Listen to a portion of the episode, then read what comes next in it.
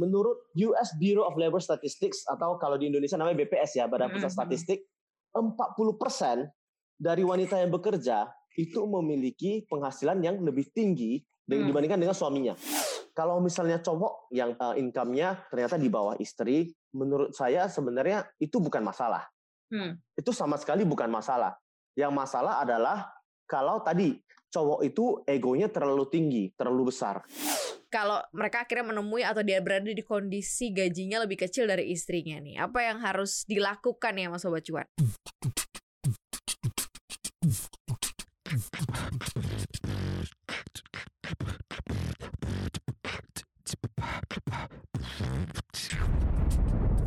Cuap-cuap cuan.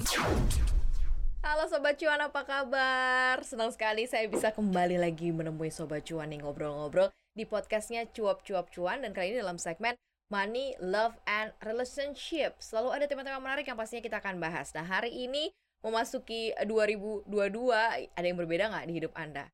Jangan-jangan nih para-para suami gajinya udah lebih kecil daripada istri. Istri udah lebih ekspansif ternyata di tahun 2021.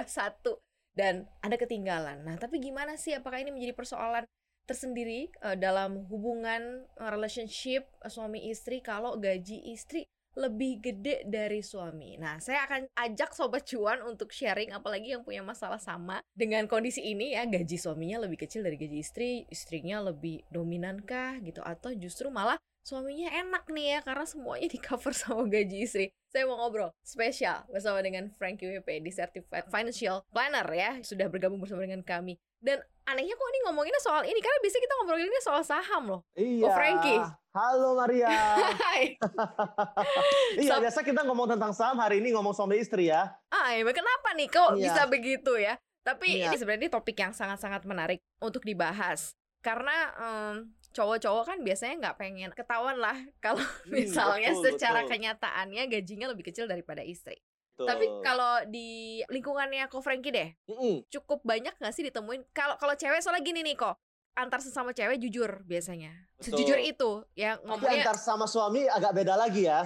agak agak beda.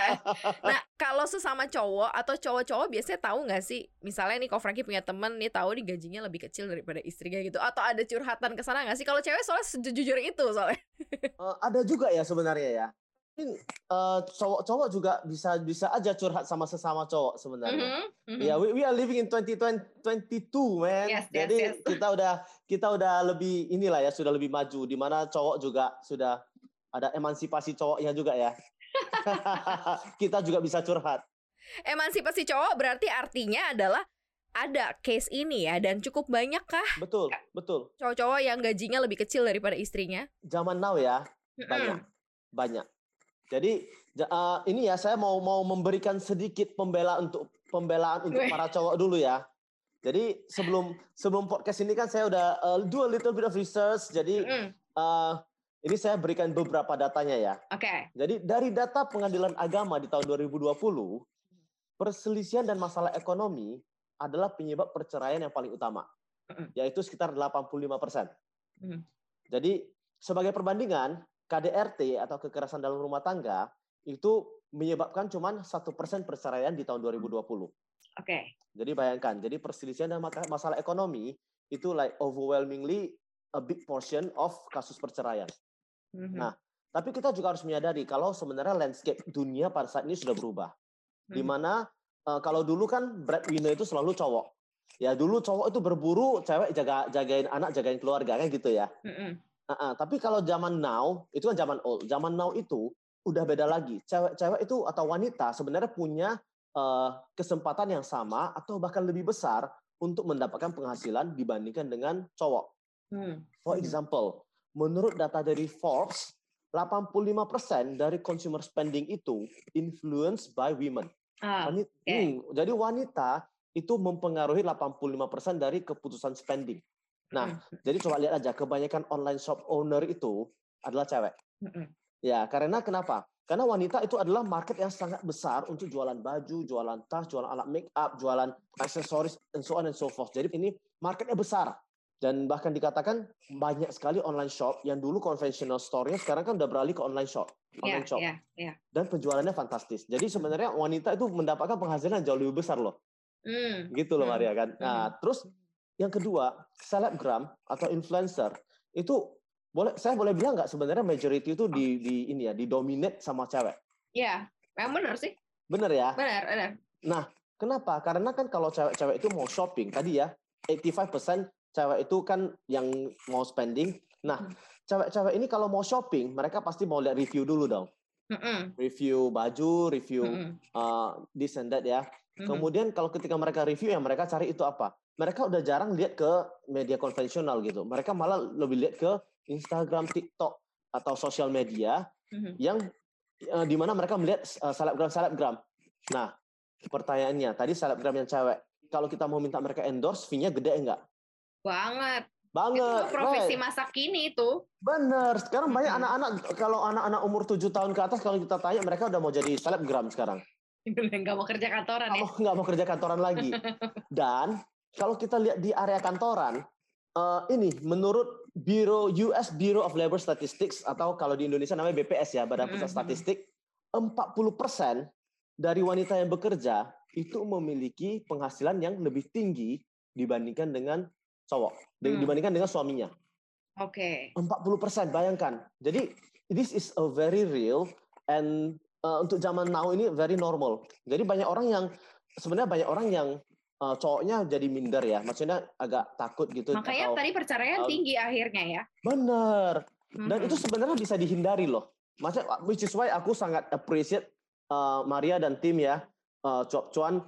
Cuap Cuap Cuan ini bisa mengangkat topik ini because uh, menurut saya ini adalah topik yang sangat-sangat penting. Nah ini secara psikologis sebenarnya nih, uh. Ko Frankie, cowok-cowok yang ngerasa gajinya atau yang memang secara fakta gajinya lebih kecil daripada istrinya, nih biasanya kayak gimana sih? Apa jauh lebih uring-uringan atau malah jauh lebih terpush, terse apa lebih semangat gitu untuk mencari penghasilan tambahan? Mm-mm. Atau justru malah jauh lebih biasanya ingin kelihatan uh, menonjol, malah lebih berkuasa malah atas atas istrinya gitu, makanya terjadi lebih banyak cekcok dan perceraian atau gimana sih, Ko Frankie? Iya, kalau secara umum ya, actually this happens uh, in the people around me ya. Maksudnya ada ada benar-benar saya lihat banyak cowok itu tidak bisa mengendalikan ego mereka.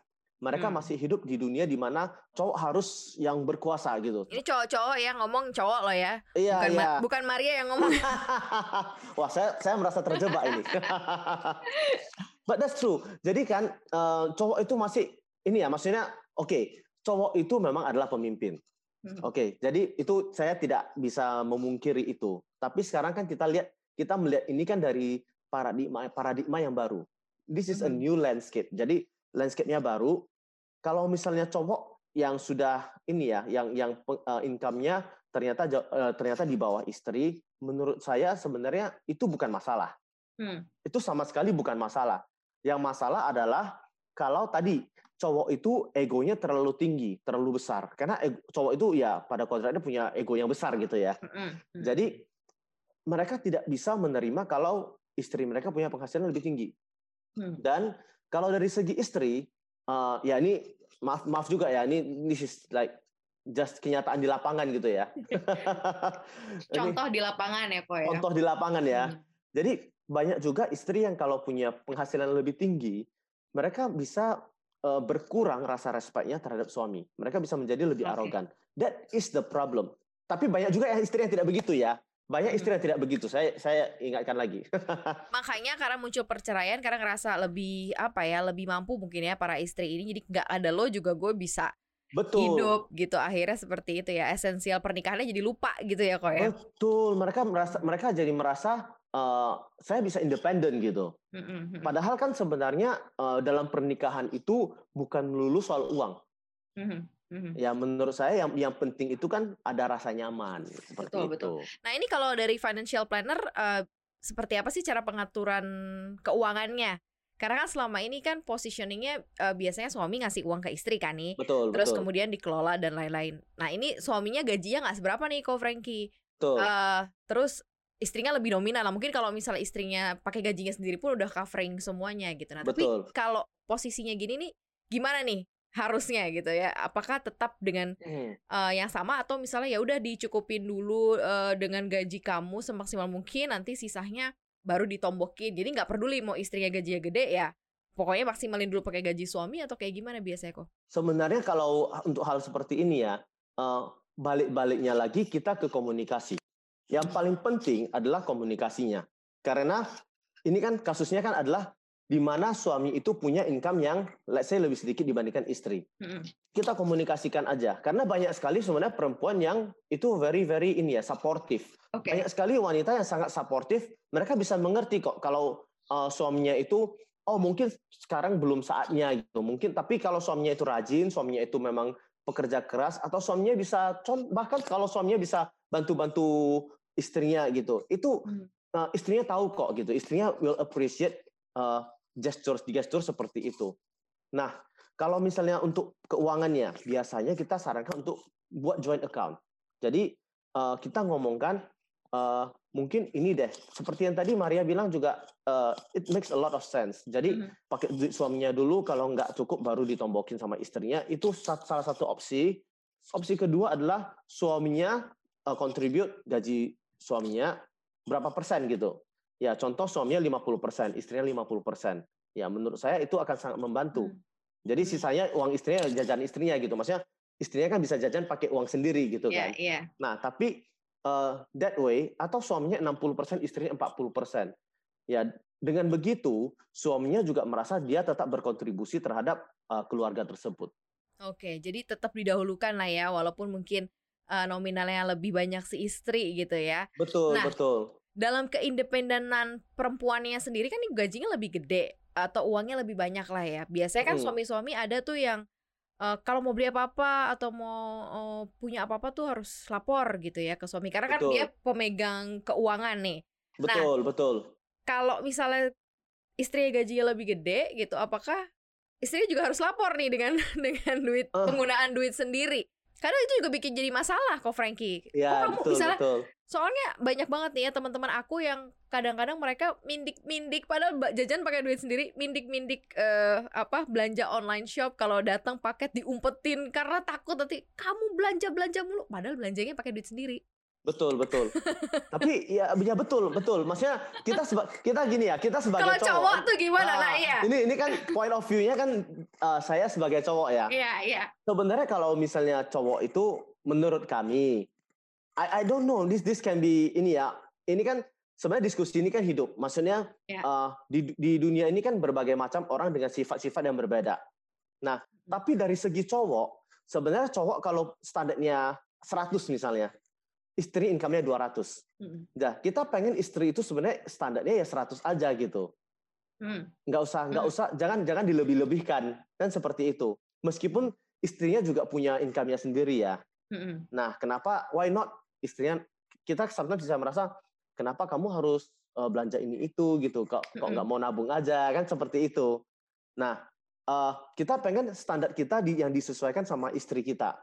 Nah, meskipun di lapangan itu sebenarnya ya banyak sekali kejadian ya memang istrinya juga ikuti standar suami tapi ya susah juga untuk menahan uh, online shop gitu ya.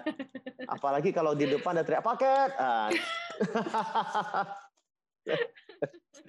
dan dan dan that will become inilah ya uh, baru bisa terjadilah diskusi-diskusi yang mulai memanas. Nah, jadi sebenarnya intinya tuh kayak ya suami kepengen cuma dilibatkan kali ya bahasanya ya. Betul. ya kayak uh, setiap keputusan mau kamu belanja apa tuh Betul. mau itu pakai duit kamu ya tetap harus lapor tuh istilahnya kayak dilibatkan sebenarnya ya. Betul, betul. Jadi sebenarnya zaman now itu ya sebenarnya ya contoh kalau uh, istri saya juga mau belanja apa juga pasti tanya saya gitu. Mm, Karena uh, ya saya suka atau tidak ya dia, dia mau beli sendiri juga silakan kan gitu ya. Mm, tapi mm, tapi ya uh, nevertheless kita ditanya Nah, kira-kira seperti itu. Oke, jadi ah. oh ini mau beli ini kira-kira gimana gitu walaupun endingnya pakai duit sendiri tapi tetap ada keterlibatan suami. Ini menarik karena memang ketimpangan terhadap finansial atau keuangan tuh memang jadi hal yang sangat-sangat apa ya? sangat-sangat risky uh, di pernikahan. Nah, tadi kalau Frankie sempat bilang sebenarnya itu bisa diatasi uh, ketimpangan ini. Nah, cara mengatasinya seperti apa?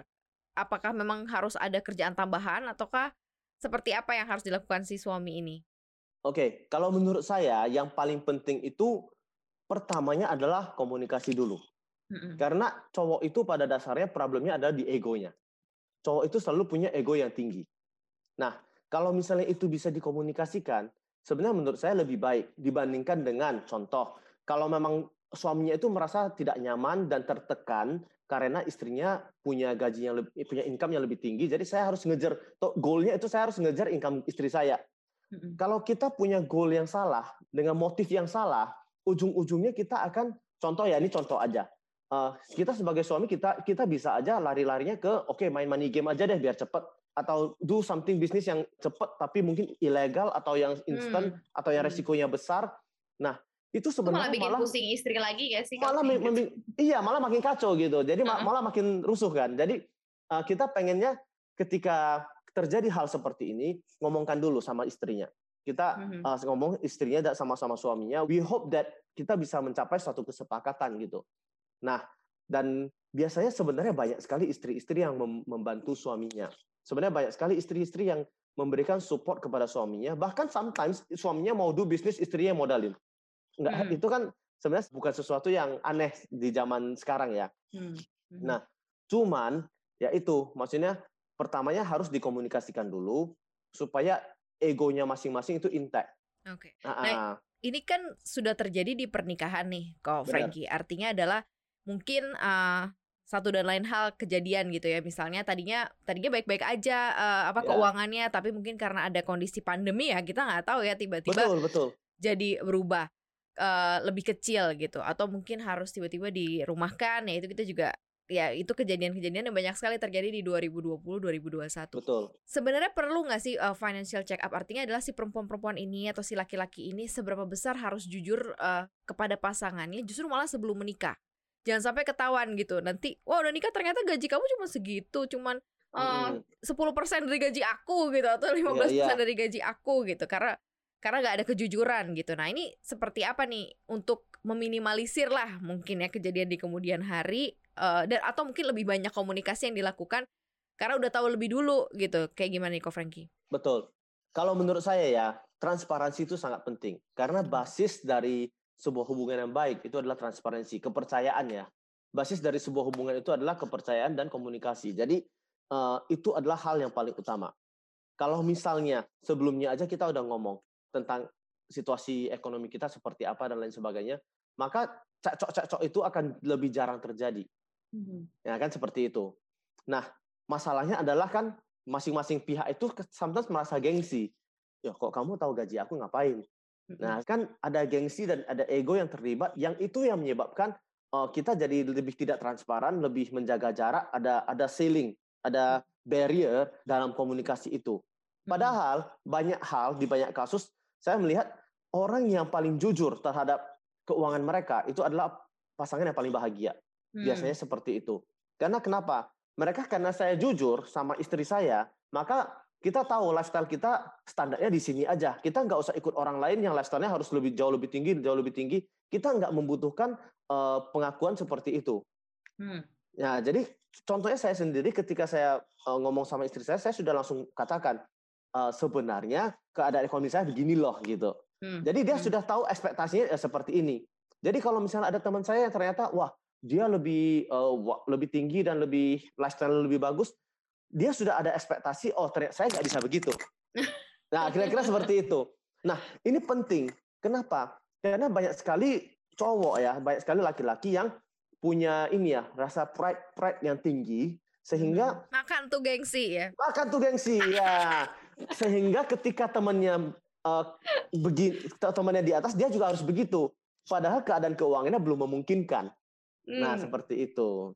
Oke, kalau dengan ketimpangan keuangan yang ada artinya kan uang istri lebih besar uh, daripada uang suami ini pribadi ya. Mm. Nah biasanya kan kalau seber, seberjalannya waktu dalam satu bulan misalnya uh, habis nih duit suami nih bingung nih mau mau gimana gitu kan tadi kan kalau ya. Nah itu kalau misalnya tadi aku bilang makan tuh gengsi kan mungkin dia bisa jangan-jangan bisa nggak nggak minjem atau apa nggak minta sama istri tapi minjem sama yang lain-lain atau seperti apa. Nah ini kayak gimana sih seharusnya gitu supaya ya suami mungkin gajinya kecil dia harus menafkahi istri tapi kalau di tengah perjalanan memang dia nggak cukup uang tuh dia bisa ya. lumayan bisa jujur gitu. Artinya ini lagi nggak ada kira-kira ada nggak kamu atau gimana? Pak ya istrinya sih pasti ada kan karena gajinya lebih gede kan. Gimana tuh kok Frankie menurut saya ya sebenarnya antara suami dan istri itu tidak usah ada yang namanya gengsi Karena ketika suami dan istri itu menikah, itu kan udah nggak ada saya, nggak ada kamu, itu Ada kita. yang kita. Uh, uh, we work as a unit gitu. Mhm. Jadi sebenarnya ya uang istri juga uang sebenarnya kan uang satu keluarga itu juga daripada contoh saya ke mana-mana saya pinjam duit dari teman ini dari teman itu apalagi saya pinjam dari online pinjol gitu ya. Mhm. Nah, saya harus bayar bunga berapa coba coba? Kan kan seperti itu. Sedangkan kalau saya saya pinjam sama istri, I think ya ya harusnya nggak dikenakan bunga lah ya. Nah, kira-kira seperti itu. Jadi kalau misalnya kita nggak ada gengsi, itu sudah melepaskan diri dari banyak sekali masalah. Oke. Kalau terkait hutang piutang gimana tuh? Kok Frankie? Kalau seandainya ya gajinya suami cuma segitu dan terus Hmm. kemudian eh, dia masih ada sangkutan ini, sangkutan itu gitu kan. Mm, Ya nggak cukup gitu eh, udah menuhin misalnya nih udah Hmm. menuhin kebutuhan dapur, terus masih punya cicilan ini, cicilan itu.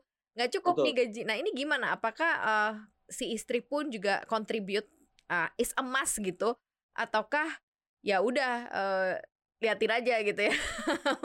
Seberapa lama sanggup ya. Karena kan gini, kalau perkara hutang-hutangan ini kan harusnya memang juga dikomunikasikan kan dengan Betul, istri sangat gitu ya.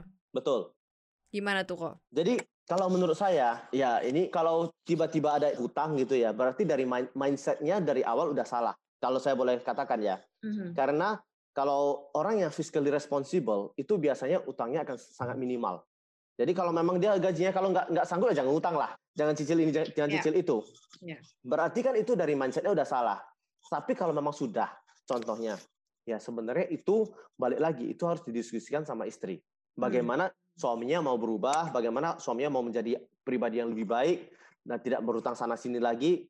Nah, menurut saya ya ujung-ujungnya ya akan jauh lebih baik kalau istrinya bisa kontribut. Tapi tentunya Ka- itu kalau- adalah hak istrinya. Hmm, kalau di pernikahan tuh eh, hutang suami jadi hutang istri juga nggak sih kok? Artinya adalah gini, mungkin aja kenapa kok jadi dia nggak bisa bay- bayar hutangnya karena mungkin kerjaannya juga stuck, artinya gajinya segitu-segitu aja. Atau mungkin tiba-tiba dirumahkan, sementara masih punya cicilan rumah gitu ya, yang mungkin dia udah Ya. ambil dulu sebelum menikah gitu. Nah ini gimana nih? Apakah akhirnya juga ya itu menjadi tanggung jawab istri sebenarnya? Jadi kalau utang piutang itu kalau misalnya tidak ada perjanjian pranikah atau prenuptial agreement, maka hutang suami akan jadi hutang istri juga. Jadi itu bahaya ya.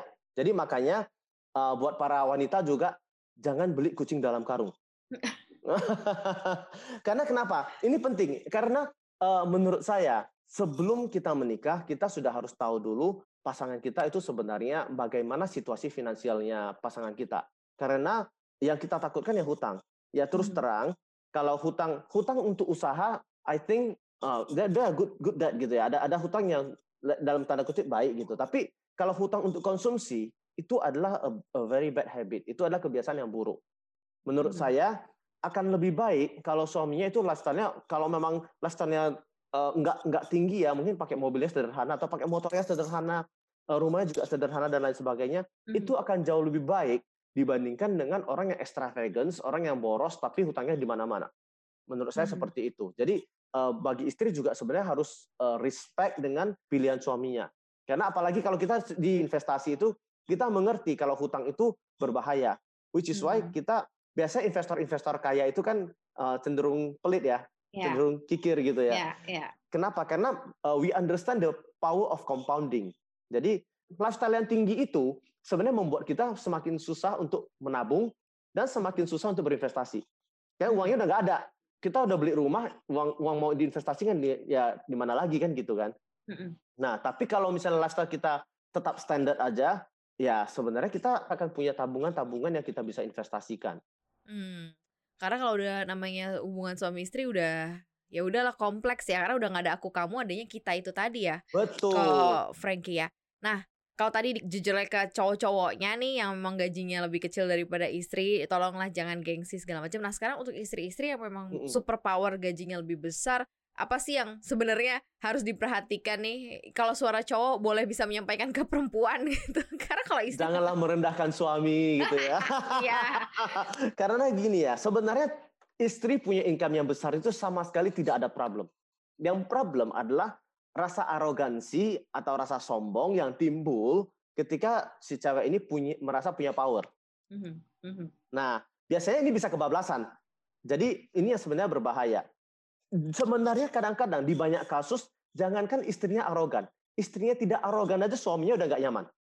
Ya, maksudnya kayak uh, mungkin uh, Maria pernah nontonin ya drakor drakor apa namanya? The World of Marriage. Oh iya dong. Ah. nah, itu kan sebenarnya uh, ceweknya itu udah udah baik-baik aja kan. I mean supportive dan Yeah. baik dan lain, lain sebagainya. Tapi uh, suaminya sendiri yang agak tidak tahu diri lah ya Mm-mm. dan merasa tidak nyaman. Nah, sebenarnya bayangkan ya, uh, wanita yang baik aja, cowoknya bisa tidak nyaman. Apalagi kalau wanitanya arogan gitu. Nah, kira-kira seperti itu. Sulit dimengerti Anda laki-laki ya. Betul. Kita ngomong cewek itu susah dimengerti, sebenarnya laki-laki juga sama susahnya dimengerti. Sama dua-duanya berarti ya. Orang-orang susah dimengerti jadi satu ya ini gitu kompleks kalau nggak ada keterbukaan. Nah sekarang untuk sobat cuan nih, Mm-mm. eh Kau Frankie ini kan rata-rata mereka pasti masih muda nih sobat cuan ya usia-usia muda lah. Kalau mereka akhirnya menemui atau dia berada di kondisi gajinya lebih kecil dari istrinya nih, apa yang harus dilakukan ya mas sobat cuan?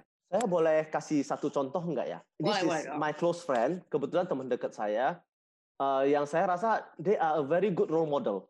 Mhm. Jadi uh, begini, uh, suaminya itu ke- kerja, ya kerja oke lah ya. Istrinya juga mulai berbisnis.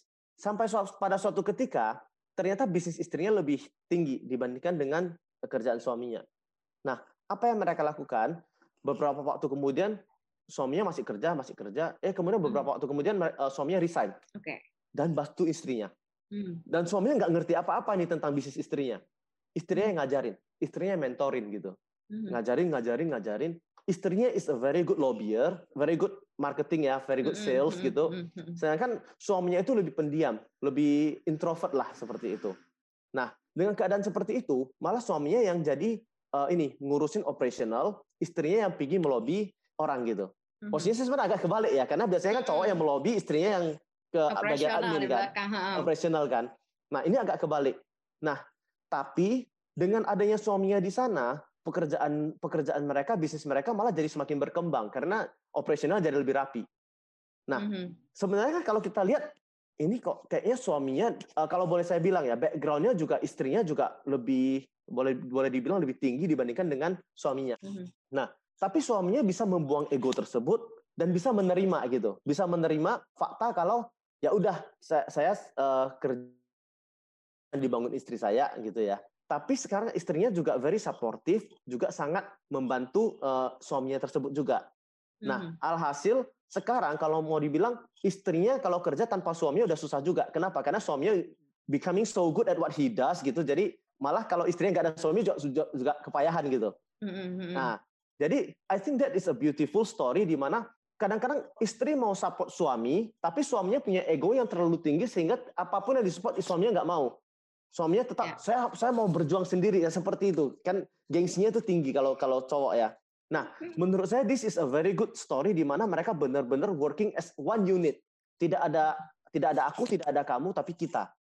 Dan sekarang their business is thriving and and I'm happy for them. Dan they are happy themselves gitu ya. Mereka mereka sangat sangat happy gitu. Jadi menurut saya ya eh, kalau sobat-sobat cuan eh, mungkin bisa belajar dari pengalaman seperti ini. Kalau istrinya mau support, diterimalah. Jangan jangan terlalu usah, bergengsi. usah gitu ya. Jangan gengsi ya. Ba- Banyak sekali cowok yang istrinya mau mau kasih dia nggak usah nggak usah. Saya mau bisa bekerja. Saya bisa berdikari, berdiri di kaki, di kaki sendiri. Seperti itu. Iya itu sih. Tadi actually tadi saya ada post in my Instagram. Saya Ah. tanya kalau misalnya istri yang memberi nafkah itu sebenarnya salah atau enggak gitu. Terus hasilnya hasilnya apa? Eh, banyak banyak banyak sekali yang komen dan ada satu yang very touching. Maksudnya ini eh, ceweknya itu eh, seorang banker, Mhm. cowoknya itu pelatih basket. Oke. Oke, ceweknya is very successful. Jadi eh, mungkin ceweknya ini income-nya 10 kali lipat lebih besar dibandingkan dengan eh, suaminya. Mhm. Dan dia bilang gini, nothing wrong with that katanya. I won't reach this stage either if my husband has not been unselfishly sacrifice his own shining career to support me. Jadi Oke. ceweknya juga bilang, saya nggak akan berada di level ini kalau suami saya tidak support saya dari dulu. Nah, jadi saya bisa concentrate on chasing my dreams dan saya bisa yakin kalau anak-anak saya itu taken a good care Mhm. by a loving father. Jadi malah suaminya yang uh, ini Ngasuh jagain anak malahan yang ngasuh ya. anak gitu. Mhm. Nah, of course in our narrow-minded society, uh, lots will look down and belittle him. Jadi banyak orang yang memandang rendah suami dia gitu. Mhm. Mhm. And I'm sorry that he have to undergo those bullies. Jadi saya juga merasa sedih juga, maksudnya suaminya harus menghadapi hal tersebut gitu. Mhm. Tapi most importantly in our relationship, he knew that I respect him much gitu. Mhm. Aku bacanya merinding loh ini. Iya, sama. Aku dengarnya Iya. juga merinding. Iya, maksudnya dia bilang I might be the breadwinner, but he is still the backbone of the family, Ah. and the family will collapse without the backbone. Iya, iya. Uh, iya, that- that- iya, this is a very this is a very beautiful story. Maksudnya menurut saya Ah, aku oke. merinding seriously. Uh, ya, karena I I know uh, her personally, and I Hmm. think banyak sekali fenomena di mana uh, saat ini wanita yang sebenarnya dapat uh, penghasilan jauh lebih besar dibandingkan dengan suaminya gitu.